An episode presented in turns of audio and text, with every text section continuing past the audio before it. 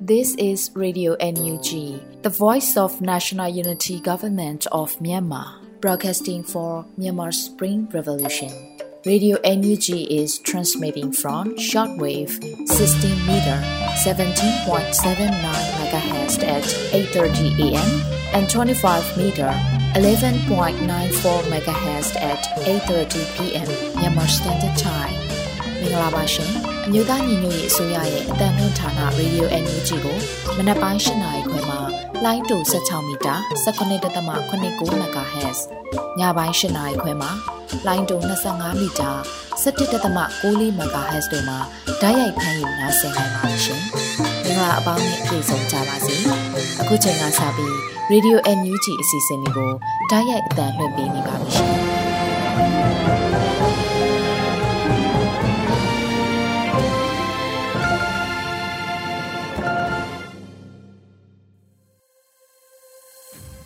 မြန်မာနိုင်ငံသူနိုင်ငံသားအပေါင်းတဘာဝပြီးဆရာနာရှင်ပြီးတို့ကနေကင်းဝေးပြီးကိုစိတ်နှစ်ပါးဘေးကင်းလုံခြုံကြပါစေလို့ရေဒီယိုညူးချီဖွဲ့သားများကဆုတောင်းမြတ်တာပို့သလာရပါတယ်ရှင်။အခုချိန်ကစပြီးပြည်တွင်းသတင်းတွေကိုတော့နှွေဦးမိုင်ကဖတ်ကြားတင်ပြပေးပါတော့မယ်ရှင်။မင်္ဂလာမနက်ခင်းပါရှင်။အခုချိန်ကစပြီးရေဒီယို UNG ရဲ့စက်တင်ဘာလ28ရက်နေ့မနက်ခင်းသတင်းများကိုဖတ်ကြားပေးပါတော့မယ်။ကျွန်မကတော့နှွေဦးမိုင်ဖြစ်ပါတယ်ရှင်။ စစ်ကောင်စီကိုအာကုံသုံးပြီးအပီးတိုင်ဖြိုလဲချပစ်ကြဖို့ပြည်တော်စုဝင်ကြီးချုပ်မန်ဝင်းခိုင်တန်းပြောကြားတဲ့သတင်းကိုဥစွာတင်ပြပေးပါမယ်။စစ်တင်ဘာလ29ရက်အမျိုးသားဒီမိုကရေစီအဖွဲ့ချုပ်တည်ထောင်ခြင်း35နှစ်ပြည့်အထိမ်းအမှတ်အခမ်းအနားတွင်အမျိုးသားရင်ငွေရေးအစိုးရပြည်တော်စုဝင်ကြီးချုပ်မန်ဝင်းခိုင်တန်းကအခုလိုပြောကြားခဲ့ပါတယ်။ပြည်သူတရက်လုံးရဲ့ကြံ့ကြံ့ခါနိုင်မှုစွမ်းအားတွေနဲ့တော်လှန်ရေးအင်အားစုတွေအားလုံးရဲ့စုစည်းမှုစွမ်းအားတွေကြောင့်အခုဆိုရင်စစ်ကောင်စီဟာ တက်တွင်းပြိုကွဲမှုတွေနဲ့အတူဘေကနာမှာမှကောင်းမွန်စွာမြတ်တည်နိုင်တော့တဲ့အခြေအနေကိုရောက်ရှိနေပြီဖြစ်ပါတယ်။ဒီလိုအခြေအနေမျိုးမှာကျွန်တော်တို့ဟာစုစည်းအင်အားတွေနဲ့အားကုန်သုံးပြီးအပီးတိုင်ဖြိုလဲချပစ်ကြရမှာဖြစ်ပါတယ်။ခေတ်အစစ်စစ်အာနာရှင်ဖြိုချရေးတိုက်ပွဲတွေမှာမရရှိဖူးခဲ့တဲ့အာသာချက်တွေရရှိနေပြီဖြစ်တဲ့ဒီတော်လှန်ရေးဟာကျွန်တော်တို့အတွက်အောင်ပွဲတွေကိုသာတေဆောင်ပေးလာတော့မဲ့တော်လှန်ရေးဖြစ်တယ်ဆိုတာကိုအပြည့်အဝယုံကြည်တယ်လို့ဝင်းကြီးချုပ်ကဆိုပါတယ် ဒါအပြင်အာနာသိန်းစစ်ကောင်စီကို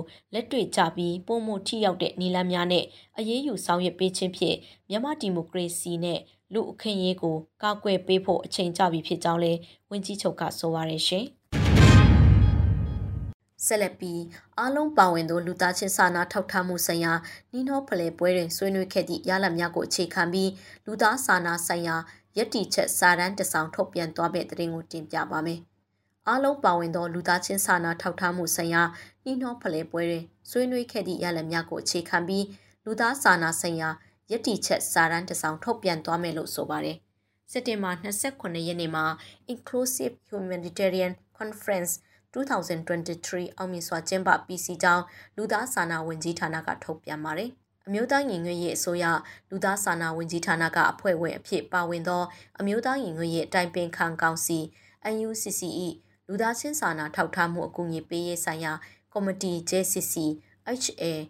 အထွေထွေတပိတ်ပေါင်းဆက်ညှိနှိုင်းရေးအင်အားစု GSCB နဲ့အခြားသောတော်လှန်ရေးအင်အားစုများပူးပေါင်း၍ပြပုံကြားကမြန်မာပြည်သူစာနာမှုနဲ့ဝိုင်းလို့ကူခေါင်းစဉ်ဖြင့်လူသားချင်းစာနာထောက်ထားမှုဆိုင်ရာနှီးနှောဖလှယ်ပွဲကို2023စက်တင်ဘာလ23ရက်နေ့မှ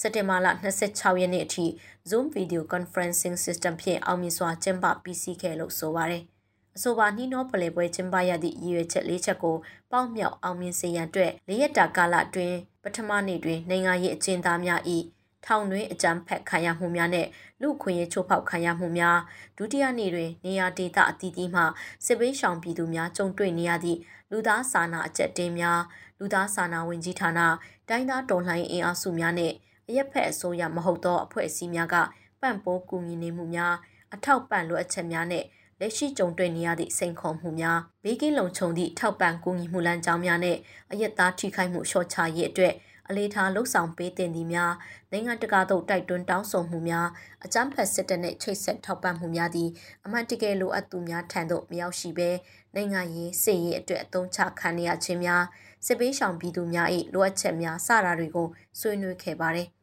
နှီးနှောဖလဲပွဲတွင်ဆွေးနွေးခဲ့သည့်ရလဒ်များကိုအခြေခံပြီးလူသားစာနာဆိုင်ရာယက်တီချက်စာတမ်းတစောင်ထုတ်ပြန်သွားမည်ဖြစ်ပြီးနိုင်ငံတကာလူသားချင်းစာနာမှုအကူအညီများရရှိနိုင်ရေးအတွက်ပြည်တွင်းပြည်ပအဖွဲ့အစည်းတည်တည်နဲ့ကိုယ့်ရဲ့ချိတ်ဆက်ပူးပေါင်းဆောင်ရွက်မှုများကိုတိုးမြင့်လှုပ်ဆောင်သွားမယ်လို့ဆိုပါတယ်ရှင်။ပြည်တော်စုဝင်ကြီးဒေါက်တာဇော်ဝေဆို၏ဩစတြေးလျနိုင်ငံခရီးစဉ်တွင် UNG ကျန်းမာရေးဝန်ကြီးဌာနနှင့်ပညာရေးဝန်ကြီးဌာနအတွက်နှွေဦးတော်လှန်ရေးရန်ပုံငွေ ဩစတြေးလျဒေါ်လာ2355.19ကိုထည့်ဝင်လှူဒန်းခဲ့တဲ့တဲ့ရင်ကိုဆက်လက်တင်ပြပါမယ်။ပြည်တော်စုဝင်ကြီးဒေါက်တာဇော်ဝေဆို၏ဩစတြေးလျနိုင်ငံခရီးစဉ်အတွင်း UNG ကျန်းမာရေးဝန်ကြီးဌာနနှင့်ပညာရေးဝန်ကြီးဌာနအတွက်နွေဦးတော်လှန်ရေးရန်ပုံငွေဩစတြေးလျဒေါ်လာ2355.19ကိုထည့်ဝင်လှူဒန်းခဲ့ကြရလို့စက်တင်ဘာ29ရက်မှာ UNG ကျန်းမာရေးဝန်ကြီးဌာနကအသိပေးဖော်ပြပါတယ်။ 2023ခုနှစ်စက်တင်ဘာလအတွင်းဩစတြေးလျနိုင်ငံ Queensland ပြည်နယ် Brisbane မြို့သို့အမျိုးသားညီညွတ်ရေးအစိုးရ NUG ကျန်းမာရေးဝန်ကြီးဌာနနဲ့ပညာရေးဝန်ကြီးဌာနပြည်အောင်စုဝန်ကြီးပါမောက္ခဒေါက်တာဇော်ဝေဆိုးရောက်ရှိနေစဉ်တွင် Queensland ပြည်နယ်မှမြန်မာကျန်းမာရေးမိသားစုဝင်များက Australian Dollar UAD 14032ကို၎င်း Ice Gallery by WY က Australian Dollar AUD 6323.19ကို၎င်းလှူဒန်းခဲ့ကြလို့ဆိုပါတယ်။လှူဒန်းထည့်ဝင်ငွေစုစုပေါင်း Australian Dollar 2355.19ကို UNG ကျန်းမာရေးဝန်ကြီးဌာနနဲ့ပညာရေးဝန်ကြီးဌာနအတွက်ຫນွေဦးတော်လှန်ရန်ပုံငွေများထည့်ဝင်လှူဒန်းခဲ့ကြတာဖြစ်တယ်လို့သိရရှိပါရရှင်။ ဥရောပပါလီမန်၏လူခွင့်ရေးကော်မတီဒုတိယဥက္ကဋ္ဌမစ္စတာဘာနက်ဂူတာနှင့်ပြည်ထောင်စုဝန်ကြီးဦးအောင်မျိုးမင်းတို့တွေ့ဆုံ၍မြန်မာစစ်အုပ်စုကျူးလွန်သည့်နိုင်ငံတကာရာဇဝတ်မှုများအတွက်ထိရောက်သောအရေးယူဆောင်ရွက်ချက်များပေါ်ထွန်းလာစေရေးဆွေးနွေးတဲ့သတင်းကိုနောက်ထပ်တင်ပြပေးပါမယ်။အမျိုးသားရင်ငွေရေးအစိုးရလူခွင့်ရေးဆိုင်ရာဝန်ကြီးဌာနပြည်ထောင်စုဝန်ကြီးဦးအောင်မျိုးမင်းသည်ဥရောပပါလီမန်၏လူခွင့်ရေးကော်မတီဒုတိယဥက္ကဋ္ဌ မစ္စတာဘာနက်ဂူတာနဲ့စက်တင်ဘာ26ရက်နေ့တွင်နှစ်ဖက်တွေ့ဆုံခဲ့လို့သိရရှိပါရယ်တွေ့ဆုံရမှာဝင်ကြီးမှအမျိုးသားညီညွတ်ရေးအစိုးရ၏လူအခွင့်ရေးအုပ်ချုပ်ရေးတရားစီရင်နဲ့နိုင်ငံတကာအရေးကြိုးပမ်းဆောင်ရွက်မှုများကိုတင်ပြဆွေးနွေးခဲ့ပါတယ်။အဆိုပါဆွေးနွေးမှုတွင်ဥရောပပါလီမန်မှချမှတ်ထားသည့်မြန်မာနိုင်ငံဆိုင်ရာဆုံးဖြတ်ချက်များပုံမှန်ထိရောက်ရန်နဲ့အကြမ်းဖက်မြန်မာစစ်အုပ်စုကျူးလွန်သည့်နိုင်ငံတကာရာဇဝတ်မှုများအတွက် ထိရောက်သောအရေးယူဆောင်ရွက်ချက်များပေါ်ထွန်းလာစေရန်အတွက်အမြင့်ချင်းပလဲဆွေးနွေးပြောကြားခဲ့ပါရရှင်။ကမ္ဘာကုလသမဂ္ဂအရေးချင်းစစ်ကော်မတီနေဖြင့်မြန်မာပြည်သူများရွေးချယ်တင်မြှောက်ထားသောတန်မတ်ကျူးကျော်မှုထုံးကိုသာကမ္ဘာကုလသမဂ္ဂတွင်ဆက်လက်အတိမတ်ပြုတ်ပေးရန်အမျိုးသားဒီမိုကရေစီအဖွဲ့ချုပ်တိုက်တွန်းတဲ့သတင်းကိုဆက်လက်တင်ပြပါမယ်။ကမ္ဘာကုလသမဂ္ဂအရေးချင်းစစ်ကော်မတီအနေဖြင့်မြန်မာပြည်သူများရွေးချယ်တင်မြှောက်ထားသော တန်မတ်ကျူးကျော်မှုထုံးကိုသာကမ္ဘာကုလသမဂ္ဂတွင်ဆက်လက်အတိမတ်ပြုတ်ပေးရန်အမျိုးသားဒီမိုကရေစီအဖွဲ့ချုပ်ဗဟိုအလုပ်ကော်မတီကစက်တင်ဘာ28ရက်မှာထုတ်ပြန်ပါတယ်။ကမ္ဘာကုလသမဂ္ဂရေးချင်းစစ်ကော်မတီအနေဖြင့်လည်းမြန်မာပြည်သူများရွေးချယ်တင်မြှောက်ထားသောအယက်သားအစိုးရအဖွဲ့လက်ထက်ကခန့်အပ်ခဲ့သည့်တာမတ်ကြီးဦးကျော်မိုးထွန်းကိုသာကမ္ဘာကုလသမဂ္ဂတွင်မြန်မာနိုင်ငံကိုစားပြုခွင့်ကိုဆက်လက်အတိအမှတ်ပြုပေးကြပါရန်မြစ်တာရက်ခံတိုက်တွန်းအပ်ပါတယ်လို့ဆိုပါတယ်။ ဒါ့အပြင်စစ်ပေးတံသည့်အယက်သားပြည်သူများအားလူသားချင်းစာနာမှုအကူအညီများရရှိရေးအယက်သားများအားပြစ်မှတ်ထားတိုက်ခိုက်နေမှုများအမြန်ဆုံးရဆိုင်သွားရေးတို့အတွက်မိတ်ဆွေနိုင်ငံများနဲ့နိုင်ငံတကာအတိုင်းအဝန်းအနေဖြင့်အားဖြည့်ကူညီပေးကြရန်လည်းဖော်ပြထားပါတယ်ရှင်။ဆက်လက်ပြီးနေပြည်တော်နယ်မြေကဘုံမတန်အောင်စခန်းသိမ်းတိုက်ပွဲအကြမ်းဖက်စစ်ကောင်စီတပ်ဖွဲ့ဝင်90တေဆုံးခဲ့တဲ့တင်ကိုတင်ပြပါမယ်။နေပြည်တော်နယ်မြေက ဘိုးမတန်အောင်စခန်းသိမ်းတိုက်ပွဲအကြမ်းဖက်စစ်ကောင်စီတပ်ဖွဲ့ဝင်90တေဆုံးခဲ့လို့စက်တင်ဘာ29ရက်မှာကြားတန်လုံးစစ်ကြောင်းကတိုက်ခိုက်မှုစစ်ရေးတရင်အတိအကျကိုအသိပေးဆိုပါရယ်။ကြားတန်လုံးစစ်ကြောင်းသည်နေပြည်တော်ကောင်စီနေမြေများတွင်တိုက်ပွဲများဖော်ဆောင်နိုင်ရအတွက်တန်တောင်မြောက်ပိုင်းအထူးဒေသ KNLA တန်တောင်မြောက်ပိုင်းအထူးတရင်၏ဥက္ကဋ္ဌဦးကိုကြီးခေါ်တန်လုံးအထူးစီမံကွက်ကဲသောစစ်ကြောင်းဖြစ်သည့်နှင့်အညီ ကြားစစ်သေးတော်များမှဘုံမတန်တောင်စစ်ကောင်စီစခန်းကိုဩဂတ်လ10ရက်နေ့2023မိနစ်အာယုံတက်ချိန်45မိနစ်အကြာတွင်တိုက်ခိုက်သိမ်းပိုင်နိုင်ခဲ့ပြီးစစ်ကောင်စီတပ်မှအရာရှိကိုင်းဆောင်သောပစ္စတိုတနက်တက်လက်အပါဝင်လက်နက်ခဲယမ်း73မျိုးကိုတိုက်ခိုက်သိမ်းဆည်းနိုင်ခဲ့ပါတယ်။၎င်းစခန်းသိမ်းတိုက်ပွဲအတွင်းအကြမ်းဖက်စစ်ကောင်စီမှစစ်ကောင်စီအရာရှိတအူအပါဝင်16ဦးသေဆုံးခဲ့ပြီး တပ်သား2ဦးမှတန်ရာဖြင့်ထွက်ပြေးလွတ်မြောက်သွားခဲ့ကဘုံမတန်တောင်စစ်ကောင်စီစခန်းသိမ်းတိုက်ပွဲတွင်တွင်ကြားတန်စစ်ကြောင်းမှမဟာမိတ်ဖြစ်သော PKS PDF 1004တပ်ရင်းမှရဲဘော်3ဦးမှမြင့်မြတ်စွာတက်ကိုပေးလှူခဲ့ပြီးမစိုးရင်ရဒဏ်ရာ4ဦးရရှိခဲ့ပါတယ်။ စခန်းသိမ်းတိုက်ပွဲပြီးတွင်ဩဂတ်လ17ရက်နေ့2023ခုနှစ်မှဩဂတ်လ14ရက်နေ့2023ခုနှစ်အထိ၎င်းတို့ဘိုးမတန်တောင်စစ်ကောင်စီစခန်းသို့တက်ကိုပေးရန်လာရောက်သောနေပြည်တော်တပ်ပေါင်းစုမှစစ်ကောင်စီတပ်သားများကိုကြားတန်လုံးစစ်ကြောင်းရဲဘော်များမှတရင်လက်ဦးမှုရယူကာ6ကြိမ်တိုင်းတိုင်းပျောက်ကြားစစ်ဖြင့်စောင့်ကြုံမိုင်းဆွဲပစ်ခတ်တိုက်ခိုက်ခဲ့ရာစစ်ကောင်စီတပ်သား34ဦးထပ်မံတေဆုံးခဲ့ပြီးဒဏ်ရာအများပြားရရှိသွားခဲ့ပါတယ်ရှင်။ Special Operation Force အထူးစစ်စင်ရေးတပ်ဖွဲ့ SOF အနည်းဖြင့်တောင်ပိုင်းစစ်ဒေသအတွင်းရန်သူ၏စစ်ရေးပြစ်မှတ်များကိုစစ်နေဗျူဟာမျိုးစုံဖြင့်အရှိန်မြင့်တင်တိုက်ခိုက်တဲ့တရင်ကိုဆက်လက်တင်ပြပါမယ်။ Special Operation Force အထူးစစ်စင်ရေးတပ်ဖွဲ့ SOF အနေဖြင့်တောင်ပိုင်းစစ်ဒေသအတွင်းရန်သူ၏စစ်ရေးပြစ်မှတ်များကိုစစ်နည်းဗျူဟာမျိုးစုံဖြင့်အရှိန်မြင့်တိုက်ခိုက်လျက်ရှိရလို့စစ်တင်ဘာ29ရက်မှာ Special Operation Force အထူးစစ်စင်ရေးတပ်ဖွဲ့ SOF ကအတည်ပြုဆိုပါတယ်။ဩဂတ်လ12ရက်နေ့တွင်အကြမ်းဖက်စစ်ကောင်စီလက်အောက်ခံမွန်ပြည်နယ်စင်းကြိုက်နေမြေရဲစခန်းမှနေထိန်ထွန်းနိုင်လင်းအားအနိကတိုက်ခိုက်ရှင်းလင်းခဲ့ပြီးနေရာတွင်ပွဲချင်းပြီးတည်ဆုံခဲ့လို့ဆိုပါတယ်။ဩဂတ်လ29ရက်နေ့တွင်လည်းပေါင်မြို့နယ်မြို့နယ်အုပ်ချုပ်ရေးရုံးတွင်တပ်ဆွဲထားသောအကြမ်းဖက်စစ်ကောင်စီတပ်သားများအားအဝေးထိန် drone ဖြင့်ဘုံသီးခုနှလုံးကျဲချတိုက်ခိုက်ခဲ့ပြီးဗိုလ်မှူးကျော်နိုင်ဦးအပါအဝင် ဗိုလ်ကြီးတအူတက်ချက်2ဦးတပ်သား2ဦးပြင်းထန်ဒဏ်ရာရရှိခဲ့ပြီး2ဦးဆေးရုံတွင်သေဆုံးခဲ့လို့သိရပါတယ်။ဩဂတ်လ28ရက်နေ့တွင်ပေါင်မြို့နယ်တပြူချောင်ကျေးရွာအကြမ်းဖက်စစ်ကောင်စီလက်အောက်ခံလက်နက်ကင်ပြူစောထီကောင်းဆောင်အောင်ငွေထွန်းခေါ်မောင်ထူအားပျောက်ကြားပုံစံဖြင့်အလစ်ငိုက်တိုက်ခိုက်ရှင်းလင်းခဲ့ပါတယ်။စက်တင်ဘာ3ရက်နေ့တွင်မွန်ပြည်နယ်ပေါင်မြို့နယ်ရဲစခန်းမှနေထိန်ကိုကိုလွအားအနီးကဝင်ရောက်တိုက်ခိုက်ရှင်းလင်းခဲ့ပြီး လက်ပစ်ဘုံတစ်လုံးနဲ့ဓာတ်တစ်ချောင်းသိမ်းဆည်းခဲ့လို့ဆိုပါတယ်။စစ်စင်ရေးများအား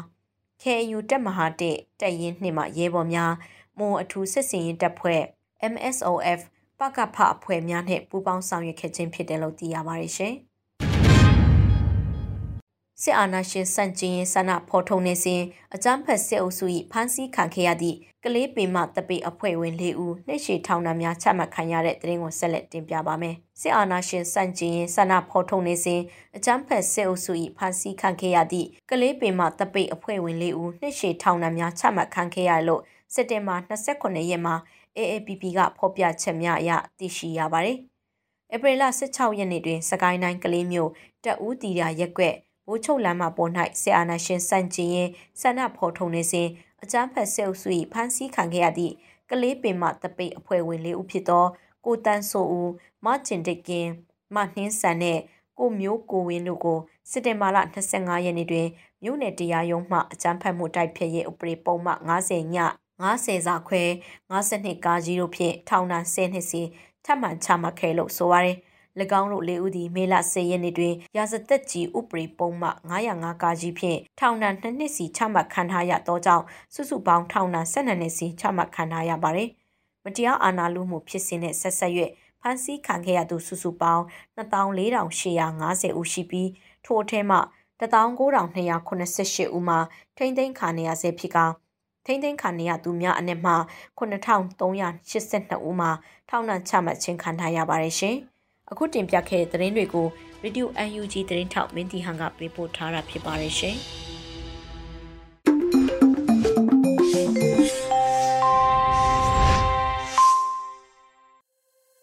ရေဒီယိုညူချီရဲ့မနက်ခင်းစီစဉ်တွေကိုဆက်လက်တင်လွှင့်ပေးနေပါတယ်။အခုဆက်လက်ပြီးတော်လှန်ရေးကြပြအစီအစဉ်မှာတော့ မောင်လင်းရဲ့ရေးသားပြီးလွတ်လပ်နေဦးရွတ်ဖတ်ထားတဲ့နက်ရီကန်ဟာနက်ကြီးမှတေချာလို့အမည်ရတဲ့တော်လှန်ရေးကြပြကိုနားဆင်ကြရတော့မှာဖြစ်ပါတယ်ရှင်နက်ရီကန်ဟာနတ်ကြီးမှအသေးချာ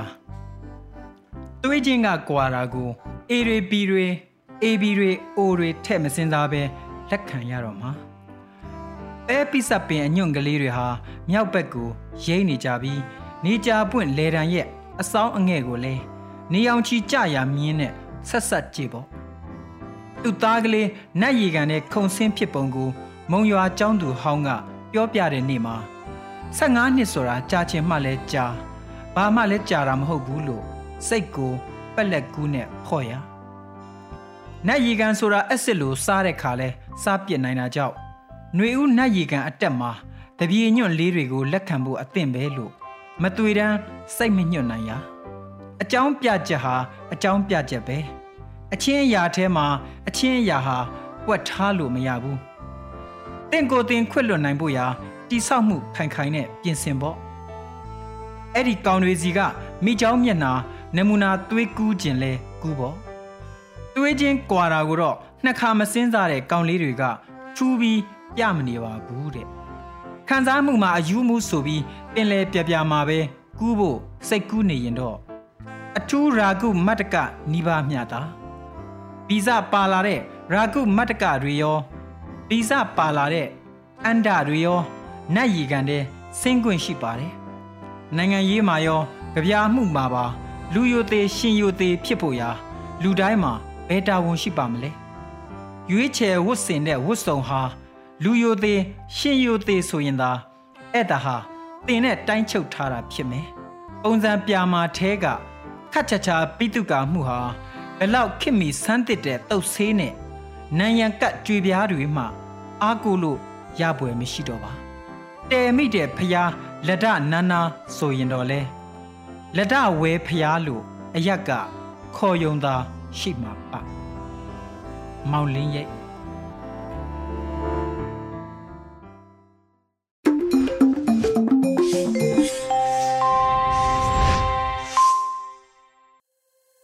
ရေဒီယိုညူဂျီကိုနားတော်တာဆင်နေတဲ့ပရိသတ်များရှင်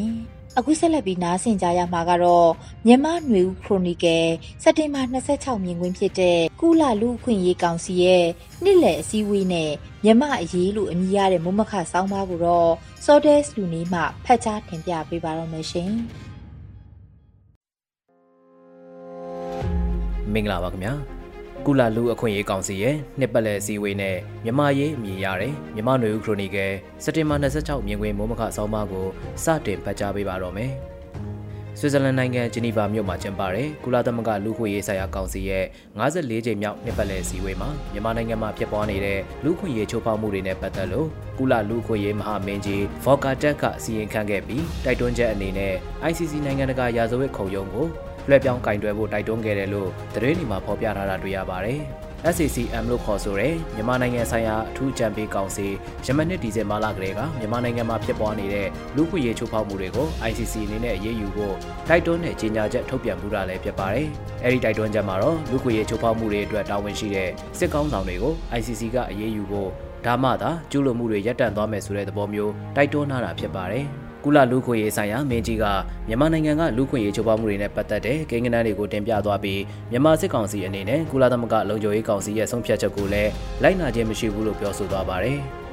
ဖန်ဆီးမှုတွေတပ်ဖြတ်ခံရတဲ့အရေးတက်တွေအကျဉ်းနီးလို့ခေါ်ဆိုတဲ့ရှေ့နေငါရန်ခုခံကာကွယ်ခွင့်မရှိတဲ့ရုံးထုတ်စစ်ဆေးမှုပြုလုပ်တဲ့အချိန်မှာပဲစစ်ခုံရုံးကအမိန့်ချမှတ်တဲ့တရားစီရင်မှုစနစ်တွေအကြောင်းနေအိမ်တွေမိရှို့ဖျက်ဆီးထားတဲ့အရေးအတွက်တွေကိုကိုးကားပြီးအစီရင်ခံသွားတယ်လို့သတင်းထဲမှာဖော်ပြထားပါတယ်။ ဒီအချက်လက်တွေဟာသတင်းနေတဲ့သူရိသနာလောက်အချက်လက်မှတ်တမ်းတင်ကောက်ယူတဲ့အဖွဲ့အစည်းတွေနဲ့ကုလသမဂ္ဂအဖွဲ့အစည်းတွေရဲ့ထုတ်ပြန်ချက်တွေမှာပါရှိပြီးသားကိန်းဂဏန်းတွေဖြစ်လို့အသစ်ဆန်းတော့မဟုတ်ဘူးလို့ဆိုလိုနိုင်ပါတယ်။ကုလလူခွင့်ရေးမင်းကြီးကိုတိုက်တွန်းသလို ICC အနေနဲ့လူခွင့်ရေးချိုးဖောက်မှုတွေအတွက်တာဝန်ရှိတဲ့မြန်မာစစ်ကောင်ဆောင်တွေကိုအရေးယူနိုင်မလားဆိုတဲ့မေးခွန်းလည်းရှိလာတာဖြစ်ပါတယ်။ မြန်မာနိုင်ငံဟာ ICC ရဲ့သဘောတူညီမှုမှာလက်မှတ်ထိုးထားခြင်းမရှိတဲ့အတွက်လည်းမြန်မာနိုင်ငံကကျူးလွန်မှုတွေအတွက် ICC အနေနဲ့စီရင်ပိုင်ခွင့်မရှိဘူးလို့ရေပုံရအဖြစ်နားလည်ကြပါတယ်။2019ခုနှစ်ရခိုင်ပြည်နယ်မြောက်ပိုင်းကရိုဟင်ဂျာလူမျိုးတွေကိုမျိုးတုံးတပ်ဖြတ်မှုအဓမ္မပြုကျင့်မှုကြေးရွာတွေမိရှို့ဖျက်ဆီးမှုနဲ့နိုင်ငံကထွက်ပြေးအောင်လှုံ့ဆော်မှုတွေနဲ့2019ခုနှစ်က ICC ကိုအရေးယူပေးဖို့ဘင်္ဂလားဒေ့ရှ်နိုင်ငံကတောင်းဆိုခဲ့ပူတာလည်းဖြစ်ပါတယ်။ ဘင်္ဂလားဒေ့ရှ်နိုင်ငံက ICC အဖွဲ့ဝင်နိုင်ငံဖြစ်လို့အဖွဲ့ဝင်နိုင်ငံကတက်ရောက်မှုရှိနေတဲ့အတွက်အကျုံးဝင်တယ်လို့မှတ်ယူကြရပေမဲ့အဲ့ဒီအချိန်ကာလကမြန်မာနိုင်ငံကိုဘာမှမလုပ်ဆောင်နိုင်ခဲ့ကြတဲ့တာရကလည်းရှိပါတယ်။လက်တလောနိုင်ငံတကာဖြစ်ပျက်တွေမှာ ICC ကဖမ်းရန်ထုတ်ကန်ရတဲ့ခေါင်းဆောင်ဖြစ်ရုရှားသမ္မတပူတင်ကိုတာရကထုတ်ပြနိုင်ပါတယ်။ ရုရှားနိုင်ငံဟာလည်း ICC စာချုပ်မှာလက်မှတ်ထိုးထားခြင်းမရှိပေမဲ့ ICC ဖွဲ့ဝင်ဖြစ်တဲ့နိုင်ငံတနိုင်ငံကိုတွားရောက်ခဲ့မယ်ဆိုရင်တော့အဖွဲ့ဝင်နိုင်ငံအနေနဲ့ပူတင်ကိုဖမ်းဆီးပြီး ICC ထံလွှဲပြောင်းပေးဖို့ဝတ္တရားရှိတဲ့သဘောဖြစ်ပါတယ်။ဒါက ICC ကအရေးယူဆောင်ရွက်ခဲ့တယ်ဆိုရင်ဖြစ်လာနိုင်တဲ့အခြေအနေကိုတွက်ဆကြည့်တာသာဖြစ်ပါတယ်။သတင်းဖော်ပြမှုတွေချက်လက်တွေကိုပြန်လည်ရှာဖွေကြည့်တဲ့အခါ2021ခုနှစ်အာဏာသိမ်းပြီးနောက်လာနေငယ်ကြာ2021ခုနှစ်ဇွန်လထဲကမြို့သားညီညွတ်ရေးအစိုးရရဲ့သတင်းစာရှင်းလင်းပွဲတစ်ခုမှာ မြို့သားညီညွတ်ရေးအစိုးရအနေနဲ့စစ်ကောင်စီကို ICC မှာတရားစွဲဆိုရေးယူနိုင်ဖို့ထောက်ထားတွေပြင်ဆင်နေတဲ့အကြောင်းလူခွင့်ရေးချုပ်ဖောက်မှုထောက်ထား၄သိန်းခန့်စုဆောင်းထားပြီးတဲ့အကြောင်းကို NUG ဝန်ကြီးတဦးဖြစ်တဲ့ဒေါက်တာဆာဆာကသတင်းမီဒီယာကိုလည်းပြောဆိုခဲ့ပါတယ်။အဲဒီကာလနဲ့နှိုင်းယှဉ်လိုက်မယ်ဆိုရင်အခုချိန်မှာကျူးလွန်မှုကိန်းဂဏန်းတွေက၄၅ဆမကရှိလာနေတာလည်းဖြစ်ပါတယ်။ ကုလလုံခြုံရေးကောင်စီ ICC စတဲ့နိုင်ငံတကာအရေးယူဆောင်ရွက်ဖို့ကြိုးပမ်းချက်တွေတိုက်တွန်းချက်တွေကျင့်ဝတ်ပိုင်းဆိုင်ရာစိတ်ဓာတ်ပိုင်းဆိုင်ရာအားပေးထောက်ခံမှုတွေအနေနဲ့သဘောတရားအရတော့တန်ဖိုးရှိတယ်လို့ဆိုရမှာဖြစ်ပြီးအပြင်လက်တွေ့ဘဝမှာဖြစ်ပျက်နေတာတွေကိုတားဆီးနိုင်ဖို့ရှော့ချနိုင်ဖို့နည်းလမ်းတွေလည်းစဉ်းစားအဖြေရှာဖို့လိုအပ်မှာဖြစ်ပါတယ်။ စစ်ကောင်စီအနေနဲ့အစိုးရတရက်ဆိုတဲ့အနေအထားမျိုးကနေခုခံတိုက်ခိုက်မှုတွေတိုက်ခိုက်နေတာမျိုးထက်အနိုင်ရဖို့အတွက်ဘာပဲလုပ်ရလုပ်ရခွင့်ပြုထားတဲ့လက်နက်ကင်အဖွဲ့တစ်ဖွဲ့ရန်သူလို့မှတ်ယူတဲ့ခုခံတိုက်ခိုက်သူတွေနဲ့အတူလောက်ကင်စားတောက်နေကြတဲ့အရက်သားပြည်သူတွေရဲ့အသက်ပိုင်ဆိုင်မှုတွေကိုဖျက်ဆီးတာလူရက်တာတွေအားလုံးခွင့်ပြုထားတဲ့အခြေအနေလည်းဖြစ်ပါတယ် စစ်ကောင်စီရဲ့လေကြောင်းတိုက်ခိုက်မှုတွေကလည်းအရက်သားတွေထိခိုက်ဒေဆုံးမှုနေအိမ်တွေပျက်စီးမှုနဲ့အများပြားဖြစ်စေတဲ့အကြောင်းရည်တရက်ဖြစ်လာတာဖြစ်ပါတယ်။စစ်ကောင်စီကိုတော်လန်တိုက်ခိုက်နေတဲ့ကာကွယ်ရေးတပ်ဖွဲ့တွေအနေနဲ့လည်းလက်နက်ကင်ဖွဲ့ဖြစ်လာတဲ့နောက်အဖွဲ့ချင်းချင်းကြားဖြစ်ပွားလာတဲ့ပြဿနာပရိပခလက်နက်ကင်ဖွဲ့နဲ့ပြည်သူလူထုကြားဖြစ်ပွားတဲ့ပရိပခတွေမှာအင်အားသုံးဖြည့်ရှင်းတာတွေလက်နက်အားကိုဖြည့်ရှင်းတဲ့အဖြစ်အပျက်တွေလည်းအချိန်ကြာလာတဲ့နဲ့အမျှစတင်ထွက်ပေါ်နေတာသတင်းဖော်ပြမှုတွေရကြားသိရတာဖြစ်ပါတယ်။ အချုပ်ဆိုရရင်ဆိုရလာတဲ့လူမှုရေးချိုးဖောက်မှုတွေနဲ့ပတ်သက်လို့နိုင်ငံတကာစိတ်သက်ရေးရအရာကျင့်ဝတ်အရာရက်တီထောက်ခံမှုတွေအရာအားပေးထောက်ခံမှုတွေရှိတာမှန်ပေမဲ့လက်တွေ့ဖြစ်ပွားမှုတွေရောကြလာအောင်နီးလန်းရှာကြဖို့လည်းလိုအပ်လာတာဖြစ်ပါတယ်စစ်ရေးအရာစီမံခန့်ခွဲနေသူတွေအုပ်ချုပ်ရေးအရာတာဝန်ယူဆုံးဖြတ်နေကြတဲ့တော်လှန်ရေးအင်အားစုတွေအနေနဲ့လက်နက်ကင်နာခြင်းမရှိတဲ့အရက်သားတွေရဲ့အသက်အိုးအိမ်ပိုင်ဆိုင်မှုတွေဆုံးရှုံးမှုတွေနည်းနိုင်သမျှနည်းအောင်နီးလန်းရှာကြံကြဖို့လိုအပ်နေတာလည်းဖြစ်ပါတော့တယ်ခင်ဗျာ။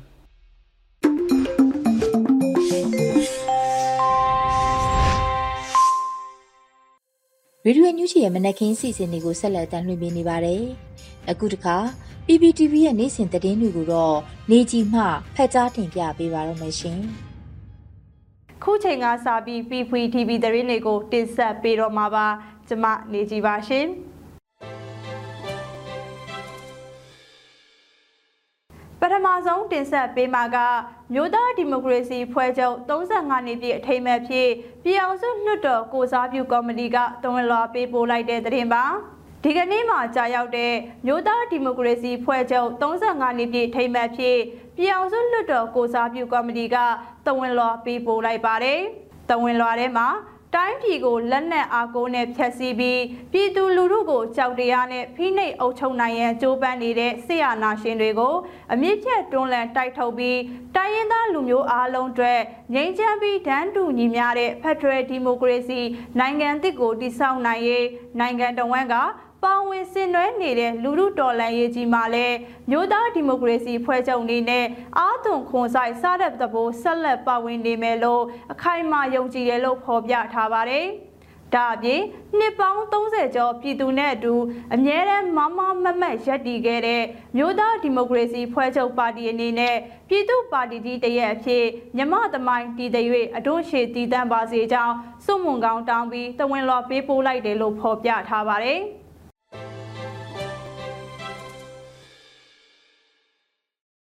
ဆက်လက်တင်ဆက်မှာက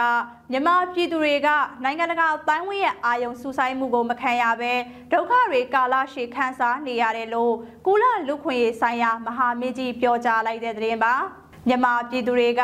နိုင်ငံတကာအတိုင်းဝန်းရဲ့အာယုံဆိုင်မှုကိုမခံရကြောင်းနဲ့ဒုက္ခကိုကာလရှည်ခံစားနေရတာလို့ကုလသမဂ္ဂလူခွင့်ရေးဆိုင်ရာမဟာမင်းကြီးဘော်ကာထရက်ကစက်တင်ဘာ26ရက်ကဆွစ်ဇာလန်နိုင်ငံမှာပြုလုပ်တဲ့54ချိန်မြောက်ကုလသမဂ္ဂလူခွင့်ရေးကောင်စီညီလာခံမှာပြောကြားလိုက်ပါတယ်။မြမအရေးအတွက်ချင်းကပ်မှုပုံစံအသည့်အရေးတကြီးလိုအပ်နေပါတယ်။မြန်မာနိုင်ငံက ပြည်သူတွေကနိုင်ငံတကာအတိုင်းဝန်းရဲ့အာယုံစူးစိုက်မှုကိုမခံစားရပါဘူးဒုက္ခတွေကာလရှည်ကြာခံစားနေရပါတယ်လို့ကုလလူခွင့်ရေးဆိုင်ရာမဟာမင်းကြီးဘော်ကာထရက်ကပြောကြားတာပါဒါအပြင်အကြမ်းဖက်စစ်တပ်အနေနဲ့အကြမ်းဖက်မှုကိုရပ်တန့်မှာမဟုတ်ဘူးဆိုတာနဲ့နိုင်ငံရေးအရာအပြောင်းလဲလုပ်မှာမဟုတ်တဲ့အတွက်ကြောင့်မြမရေးကိုနိုင်ငံတကာရာဇဝတ်တရားရုံး ICC ကိုလွှဲပြောင်းပေးဖို့အတွက်လည်းဘော်ကာထရက်ကတောင်းဆိုလိုက်ပါတယ်ကုလသမဂ္ဂလူခွင့်ရေးဆိုင်ရာမဟာမင်းကြီးရဲ့အစီရင်ခံစာထဲမှာမြန်မာပြည်သူတွေအနေနဲ့နေ့စဉ်ထိတ်လန့်တုန်လှုပ်နေရကြောင်းအကြမ်းဖက်စစ်တပ်က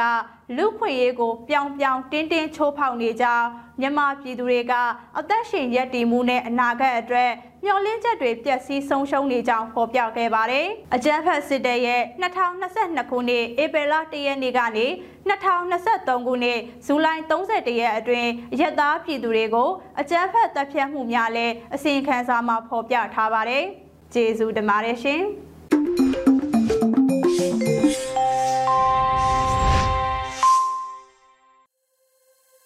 ရေဒီယိုအန်ယူဂျီကိုနားတော်တာဆင်နေတဲ့ပရိသတ်များရှင်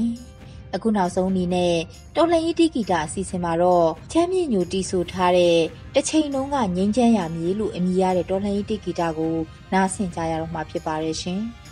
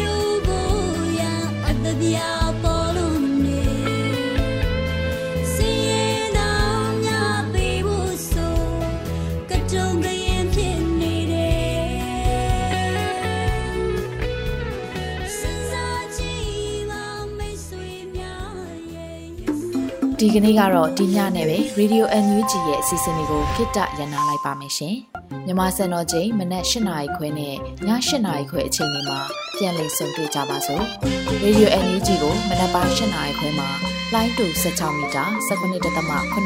MHz ညပိုင်း၈နာရီခွဲမှာလိုင်းတူ25မီတာ17.6 MHz တို့မှာဓာတ်ရိုက်ဖမ်းလို့နိုင်စေနိုင်ပါပြီ။ မြန်မာနိုင်ငံသူနိုင်ငံသားတွေကိုစိတ်နှပြကျန်းမာချမ်းသာလို့ဘေးကင်းလုံခြုံကြပါစေလို့ Radio NUG အဖွဲ့သူဖွဲ့သားတွေကဆုတောင်းမြတ်တာပို့တာလာရပါတယ်ရှင်။မြေသားညီမတွေအစိုးရရဲ့စက်သွေးရေးသတင်းအချက်အလက်တွေပညာဝန်ကြီးဌာနကထုတ်လွှင့်နေတဲ့ Radio NUG ဖြစ်ပါတယ်။ San Francisco Bay Area အခြေစိုက်မြန်မာမိသားစုတွေနဲ့နိုင်ငံတကာကစေတနာရှင်လို့အားပေးနေတဲ့ Radio NUG ဖြစ်ပါတယ်။အရေးတော်ပုံအောင်ရမည်